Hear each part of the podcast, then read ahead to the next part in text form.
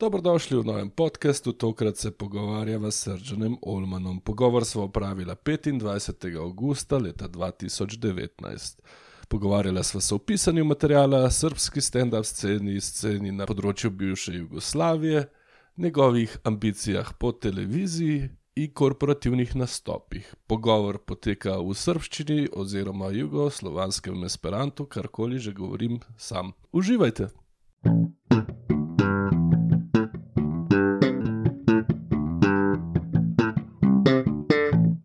dober večer, danes smo tukaj z Srdžanom Olmanom. Uh, zdravo. Čau, čau, čau. Uh, pogovor bo potekal v srpščini in jugoslovanskem esperantu, oziroma karkoli približno znam govoriti. Uh, zdravo, Srdžan, kako si? Evo sam te baš lepo razumeo. A, odlično, odlično. A, malo sam umoran s obzirom to da smo sad došli zajedno sa nastupa. Ovo, bili smo u postojni, bio odličan nas. E da, jesi, jesi ti zadovoljan? Pa super je bilo, znaš. Da, odlično, Ja odlično. sam na početku a vidjeti tebe kako ti radiš tvoj materijal, to je baš, baš divno. E, dobro, ti si ih lepo zagrejao, pa sam onda ja došao. A nisi. Dobro, dobro, dobro. E, govorili smo o autu kako pišeš uh, punchline da ima ih svaki par sekundi. Uh, vrlo bitno je to za komičare koji pričaju i priče, dale, dale priče, da ima i punchline, ima smešnog. Kada se ti uh, počneo sa ovoj tempom panča? Pa nešto imaš, uh, nešto je prosto prirodno, jel tako, ovaj, hoćeš što više da bude smešnog.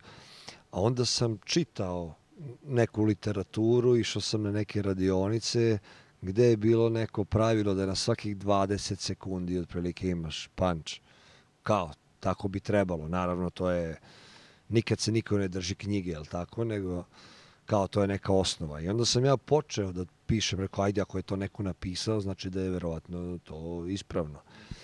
I počeo sam tako da pišem, ali sam shvatio da a, zašto ne bih a, u, pisao možda neke slabije panče pre nego što dođem do tog najjačeg panča, ovaj, koji je otprilike na 20. sekunde. I onda sam počeo da pišem, dakle, bukvalno da pišem, u stvari nisam ovako pisao, nego sam ovako pisao. Napišem tekst, odštampam i onda uzem marker, odnosno flomaster, kako kažete, u različitim bojama i podlačim gde su mi, gde mi je slabiji panč, gde mi je jači panč, tako. I bukvalno gledam koliko mi je šaren taj papir. I onda ako tipa vidim dole mi se mnogo šarenija, gore ne, onda vidim, aha, ok, tu, bi mož, tu imam još prostora da ubacim. I onda tako, znači, dođem do određene fraze, kažem, a, evo, tu nemam ništa, onda osmislim za taj deo. Dakle, ali to su sitni pančevi, dakle, sad to je, ja to zovem kao podbadanje neko. Ovaj, dakle, ni- nije suština u tom panču, u toj fori. A, ali imaš toliko kilometra, kilometrina, imaš već toliko iskustva da znaš gdje će biti uh, smeh na, kada si na bini ili testiraš to na bini, ovaj materijal. Pa ajde da kažem da znam, ali uvijek se ne, nekad se iznenadim, znaš, ono, u stvari ne nekad, nego često se iznenadim da sam baš mislio da će ovde da bude dobro ili da nisam mislio da će da bude toliko dobro. Tako da, ovaj, baš sam sad imao jednu, ako mogu čak i da ispričam foru. Može, može. Napisao sam kako kao uh, ljudi puše travu, a onda ti neko koji, koji je iskusan u tome, a ja sam tipa neiskusan, uzmem par puta i on mi kaže ti treba da voziš travu, kao ti nju da kontrolišeš. I onda sam ja imao plan, čekaj, ja kupim travu, plati me 10 evra i onda još ja nju da kontrolišem. Pa šta je ta trava, znaš, kao, znaš, kao kupit ću pivo za 2 evra i samo će me kontrolisati. I meni je to bio highlight kao, to mi je bio najjači punch. I probao sam nedavno taj, taj ceo materijal i sve ostalo je bilo mnogo smešno, sve okolo što sam pisao, a sama ova rečenica je bila ok, kao haha, nasmijali su se, a od tog sam počeo kao highlighta. Tako da eto, tu sam, na primjer, pogrešio, ali možda ga nisam dobro ni izveo, možda još treba to da se uhoda malo, tako da, ovaj, da, u suštini nema pravila, ovaj, pogrešeš nekada, ali e, od prilike znaš već na, na koje delo već da se smeje. A, jučer ili prekjučer na, nastupao si na Punch festivalu, a 2019. smo ako to ne znam kad Da, će ako ne budu gledali, da, 2086. Naravno. Mi već Kad će- nismo tu. Sad e, piše o knjigu, znaš, to će biti historija. Um, kakva ti je scena, a, ti dođeš, e, d- e, ovdje si došao iz Srbije i nastupaš po cijeli Jugoslaviji, bivši, i kaka, kakva je scena u Srbiji sada sa stand-upom? Pa ako uporedim sa Slovenijom, e, slabija, ali tipa ako uporedim sa Bosnom i Hercegovinom, kod nas je bolja, a što se tiče Hrvatske, pa tu smo možda negde. Ajde, i Makedonija je tu negde, tako da ovaj, e, nama fali ono što vi imate, to mi se mnogo sviđa, vi imate klubove, dakle, gde se ovaj, okupljate i gde radite. Mi nemamo klubove, mi imamo prosto, sad ako dođe neki novi komičar, ako me pita gde ja sad da probam svoj materijal, ja ne bih znao šta da mu kažem. Ne znam gde da probaš.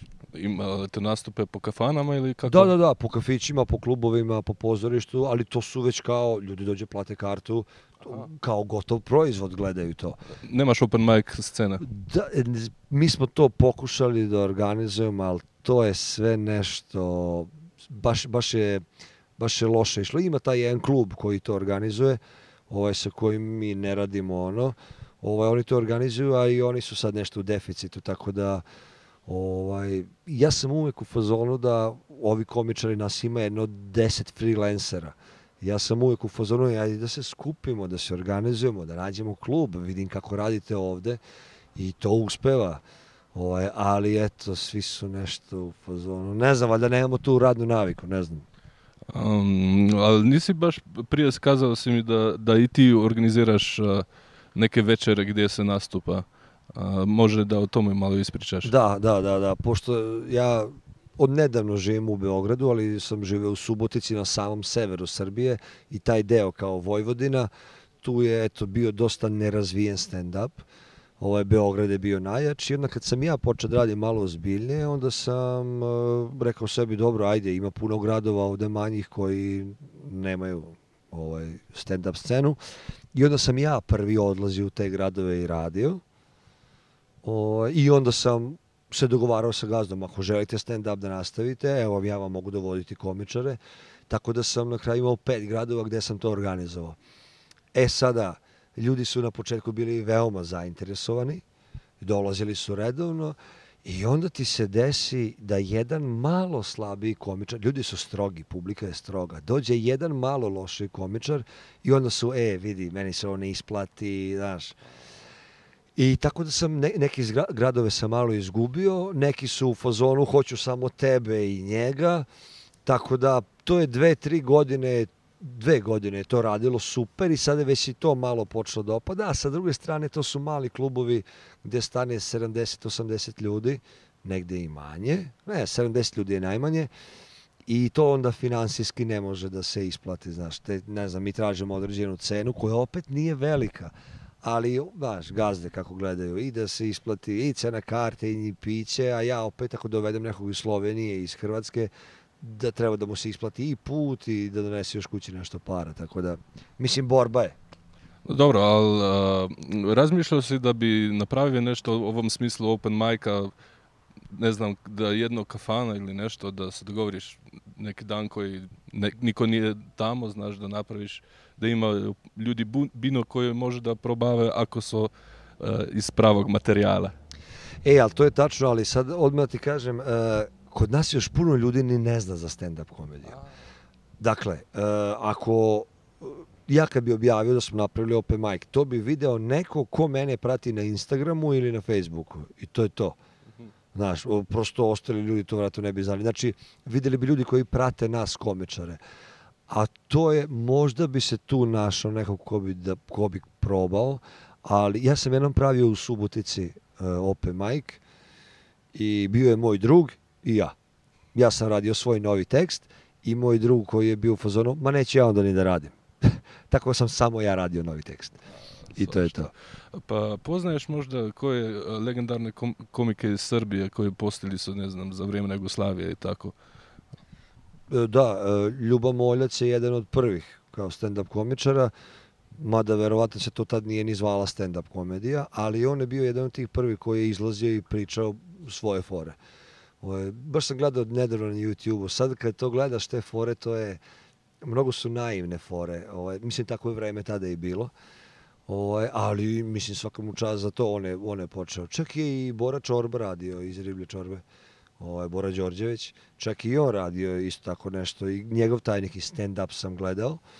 E, I ko je još, imao sam još nekoga na pameti. E, Neša Leptir, da, Neša Leptir iz, da, da, da, iz ove grupe, kako se zove, mm, ne mogu setiti. Baš e, odradili smo... Da, odradili smo, da. I sad je inače koliko sati? A, sada je ponoć i nešto. Da, ponoć je nešto, tako da mi mozak baš slabo radi. da, ali bilo je, bilo je, dakle, to su kao možda ti neki temelji, ajde da kažem. Ovaj, pa su se posle pojavili, ajde u ovo neko modernije doba da kažem da je Srđan Jovanović, moj drugar, ovaj, i odličan komičar, počeo prvi to da radi prvo da se, da se to tako zvalo kao, ej, ajde radimo stand-up komediju. Dakle, nije on izmislio da stoji sam na sceni, nego se prvi put to tako nazvalo tada. Tako da on i onda posle su već došle generacije. Ajde, ja sam možda neka, ako je on prva generacija, onda je došla druga koja i dan danas on radi dobri su, možda sam ja neka treća generacija. A kako je sa televizijom u Srbiji? Može tamo da nešto napravite? Pa za sada očajna.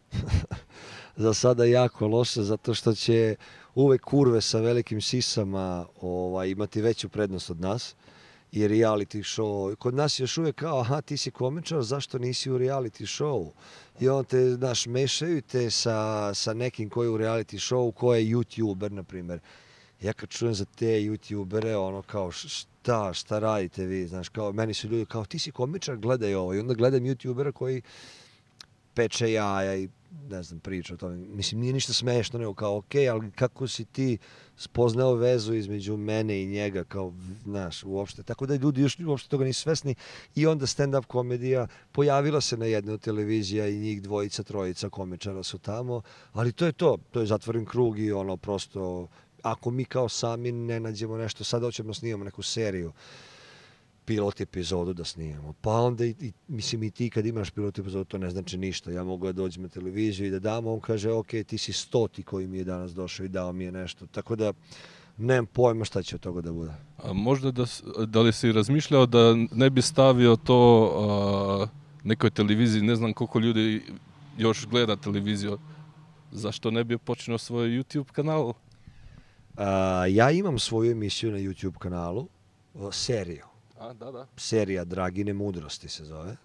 To je neki Drago kao majstor i njegove mudrosti, koja je počela iz zajebancije, znači samo iz zajebancije.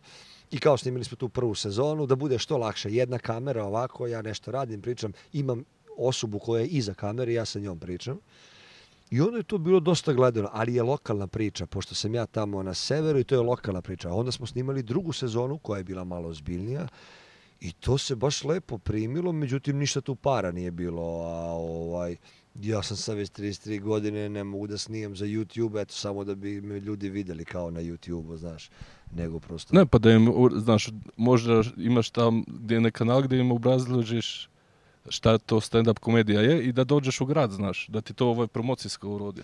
Da, a moram da kažem da me i malo, uh, da li je to zbog godišta kog sam ja, ne mogu da se naviknem na... Uh, ja sam uvijek, još uvijek televizija tip, znaš. Ja volim televiziju i volao bi kada bi nešto radio na televiziji. Sve to ja sam da radim pa da kačim na YouTube. Uh, baš sam danas pričao sa Pericom Jerković. YouTube gledalci su uh, deca od 9 do 18 godina.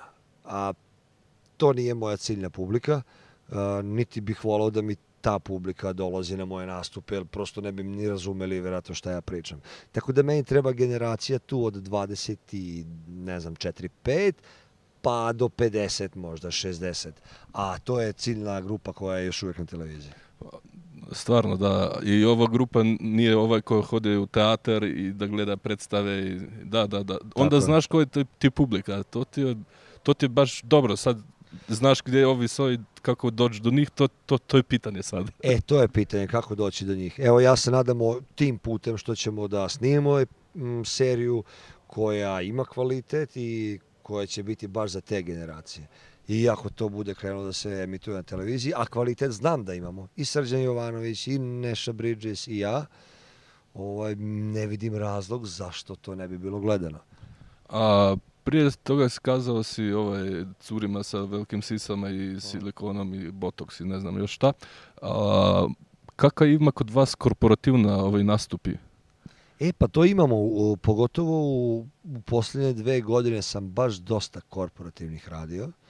Baš sam radio za uh, Slovenac jedan organizuje, ovaj, on je inače stalno je zvao komičare, bio mu je Tin, bio mu je Šarić i bio mi je Srđan Jovanović, sad su zvali mene. I to me raduje. To me raduje, pogotovo taj Slovenac što je organizovao, ovaj, on zna šta je stand-up komedija i već je pripremio tako da bude da budu određeni uslovi za stand-up komičara. Jer često radiš korporativni nastup, oni ne znaju, kao, ma dođi, pričaj nešto. I ti dođeš u salu od 400 ljudi, gde se ono krka prasetina, pije se i kao ti izađeš, I gde već, je muzika, gde je muzika? Da, da, da, da, da. I već vidiš da to neće biti ok. I onda neslavno završiš taj nastup i naravno posle toga te više nikad ne zovu. Ali ne zbog toga što si ti bio loš, nego zbog toga što kad im kažeš da su potrebni neki uslovi, oni su vozano, ma daj, Ajde, poznamo, on, on, on, on je smešan, znaš ove iz marketinga. Da, e, da, da, da, da. da. Znaš za, zašto sam te to pitao? Tamo ti je publika ovih menadžera i ovaj marketing i sve to, koje su baš ove tvoje godine, tvoje, tvoje ciljna publika. Da, da, da, to je tačno. A ma, međutim, o, znaš, treba doći do njih. Mislim, kad je dobar nastup, ti ih pogodiš ih, onda to ima smisla. Onda se nastavljaju i drugi nastupi, znaš, preporučuju te. Ali radio sam jednom, sećam se, za Coca-Cola u nekom klubu, to je više bio neki party, ne kao team building ili šta je već bilo i tu sam ja došao i prosto e, znaš, ljudi su već bili polupijeni, nisu htjeli da me slušaju, ali bila mi je super prilika kao, evo, Coca-Cola, to je to. I onda sam morao da pričam baš o Coca-Coli, da bi oni počeli da slušaju. I ta tri minuta što sam ja smislio o Coca-Coli, zato što neću da im pišem nov nastup od pola sata za Coca-Colu, zato što ću, u stvari mogu, ali ću da im naplatim onda 3000 evra, pa ću da vam pričam o Coca-Coli. Uglavnom, tri minuta sam pričao koliko, Coca-Coli koliko sam imao u glavi, to su slušali, a kao, haha, dobro. Čim sam prešao drugu temu, samo su nastavili da piju, E, bio sam upozoran, ok, daj mi pozorište, daj mi pozorište, hoću posle ovog dodem da se izlečem u pozorište, znaš. Da, da. A, kak, a, imao si nastupa već u teatrama i, i tak, gde, znaš gdje ti je bina, svetlo, sve što, ove, što treba, a, ili samo ono šta rade, ne znam, ove u hotelima, recepcija ili i ove bine koje su za, za igre pripremljene? Ne razumem. Teatar, teatar. Da li sam nastupao i u teatru da, i da, da. u klubovima ili... Da, da, da ovaj sa stand-up svojim performansima. Da, da, da, da, da, da, da. Više sam nastupao u klubovima nego po teatrima. Ovaj. Mislim, teatar je nešto... Mislim, ima razlike. Ajde, teatar je ono apotekarski uslovi, mi to volimo da kažemo, znaš. Da. To je to. Mrak, oni ćute, ti si tu, svetlo na tebi, gledaju tebe, čik probaj da se ne smeješ. Ako se ne budeš smeo, ja ću ti vratiti pare. Bukvalno. Uh, druga stvar, e, klubovi su drugačiji, ali opet klub ima neki svoj šmek kad ti radiš tu je publika malo, malo ima više interakcije tu sa publikom, što ja donekle i volim. Ovaj. Radiš i crowdwork? U kom smislu? Ja, da li komuniciraš i sa publikom? Aha, da, aha crowd work, sorry, nisam razumio. Sorry. Ovaj, sorry. da, da, da, da, da, radim. Ali, znaš, ne volim da preterujem. Ako, ako suviše obrtiš pažnju nekoga, onda se on uh, nakurči ako smem tako da kažem, a rekao Naravno, sam, možeš, možeš. Već možeš. sam rekao. Ne, neč, nečem da režem ništa. I znaš, onda je on jako bitan. Tako da gledam da, ok, iskoristim nešto što jeste, ako treba spustiš to nekog, znaš, da se i nastavljaš dalje. Ako, ako bude, znaš, krene da bude dosadan, onda ga ignorišeš prosto i nastaviš dalje, čisto da mu daš do znanja da, on kao, ok, sad je dosta.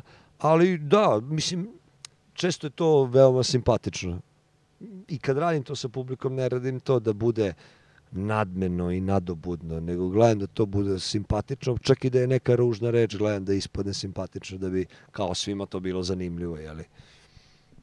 Odlično. A kako, kako dobi, mislim, kako, Kako- baš je puno sati, Da. izvinjavam se. Kako Ka- dođem do toga da bude simpatično? Ne, ma, to, to svako ima svoj recept, da, da. ali uh, kako generiraš materijal? Evo, to, to ti je jedno pitanje. Kako bira materijal? Da, da, da. Sa čim ću da nastupim to veče kao? Ne znam, mislim, k- znaš kao dobiješ neku ideju, Aha. ideju i onda napišeš ili kako, Aha. kako ti uh, radiš svoj materijal? U, pa nekad mi se stvari prosto dese. Evo neki dan sam popravljao, sam sam popravljao slavinu u kuhinji i stavljao sam bojler mali, nisam teo da platim majstora. E, I prosto, znaš, stvari se dese same po sebi, ono. I onda iz te nervoze iz koje, koja mi se dešava, prosto nastane materijal. To kažem, to, e, to mi je super. Znači, M sam uradio nešto korisno, M sam dobio materijal. Kao kada vadiš naftu, a nus pojava je gas. Da, da, Znaš, da. dobiješ oba odjednom, tako da mi je to super. Sad češće ću verovatno da radim po kući. A to mi je, to mi je, dakle, to je jedna ovaj, strana kako, kako dobijem materijal, i- odnosno ideju. A druga mi je, razmišljam o problemima. Ajde vidimo šta je problem u našoj zemlji, tipa. I onda ja, imao sam jedan tipa, baš jedna tema, uh, imamo problem sa natalitetom, malo ljudi se rađa, mnogo umire, ali porodice koje imaju mnogo dece, tipa 7, 8, 9, 10, su siromašne porodice. Porodice koje ne, ne mogu da nahrane ni jedno dete, ali štance ih osmore devetero i onda mi se prijavljaju na televiziju da kukaju kako im treba para. Ja sam uvijek bio u fazonu, čekajte ljudi, ako, evo, moji roditelji nisu imali mnogo para i napravili su dvoje dece. Znači, deca jesu bogatstvo ako imaš da ih obskr obskrbiš sa nečim. Tu decu treba školovati, treba ih, znaš, oblačiti. Dakle, to, je, to stvarno jeste ozbiljan problem. Mislim, nije mi zbog roditelja, nego mi je zbog te dece koja će posle da ispaštaju zato što ovi ne mogu bez kondoma da se ne jebu. Ovaj, I to mi je, na primjer, bila jedna tema i to je vrlo ozbiljna tema, ali sam ja prišao sa neke eto humoristične strane, tako da to je eto jedan od načina. A, sada am, to ima Vlasva 15 minuta u planu, Dobro. zbog toga jer sutra štart, štartaš za Beograd. Tako je nazad. A, čekaju te još kakvi nastupi u bližnji prili... Sada? Da, imam sada za, za tri dana imam tu u Kikindu nastup, onda imam u Beogradu dva nastupa, imamo dva humanitarna nastupa uskoro, Srđan Jovanović, Neša Bridges, ja, bit će da tu i Dušan Varančić će da bude i Srđan Sljepčević. A imali smo sad, pre, pre što ću doći u Ljubljanu, jedan dan sam takođe imao jedan humanitarni i za sada je to to, ali počinje sezona, znaš, počinje sezona tako da ono, obnavlja se krug, bit će verovatno sve ponovo, a nadam se da ću do kraja godine doći u Ljubljanu ponovo, to, bi, to bih voleo. To bi bilo odlično, treba teški mu sad da, da mu kažeš, Da može, može, znaš. ovo, jedan, jedan one man show. Pa imaš dva šova. Imam dva šova, Može da. to gdje vidjeti u Sloveniji, znaš, ima to na, ne znam gdje. E, na YouTube-u, na YouTube imam, de, imam snimljen ceo svoj Mhm. one man show koji sam hteo da prodam televiziji i kada sam se dogovorio sa vlasnikom televizije, jedne velike, i kad sam ja to snimio, više mi se nije javio. Tako da to tako stoji na računaru. Ali imam delove tog šova koje sam isekao i okačio na YouTube. Znači, Pa imaš možda neki kanal da ljudi načekiraju šta radiš. E, Da, imam Srđan Olman, dakle na YouTube-u Srđan Olman, a na Instagramu Srđan Olman Comedy. Stavit ćemo i linkove u description na YouTube E, tako Srđan opis. Olman. Comedy. Bio mi je Olman Funny, pa sam sad razmišljam, da, Srđan Olman Comedy. A na, na Facebooku sam samo Srđan Olman. Imam i tamo stranicu svoju koju toliko loše održavam da je bolje ni ne pogledaju. A na YouTube-u, dakle, a i, i to sam malo zapostavio. Jedno vreme sam kačio redovno svoje videe i onda sam i to kao, a ne mogu svaki dan, pa onda jedno vreme forsiram Instagram, jedno vreme forsiram YouTube i tako. Sad sam na Instagramu, sad sam na to navučen. Odlično. Hashtag Instagram.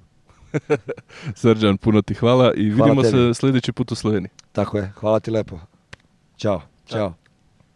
To je bil pogovor s Srđanom Olmanom. Upam, da ste uživali pri poslušanju, pa se slišimo naslednjič. Srečno!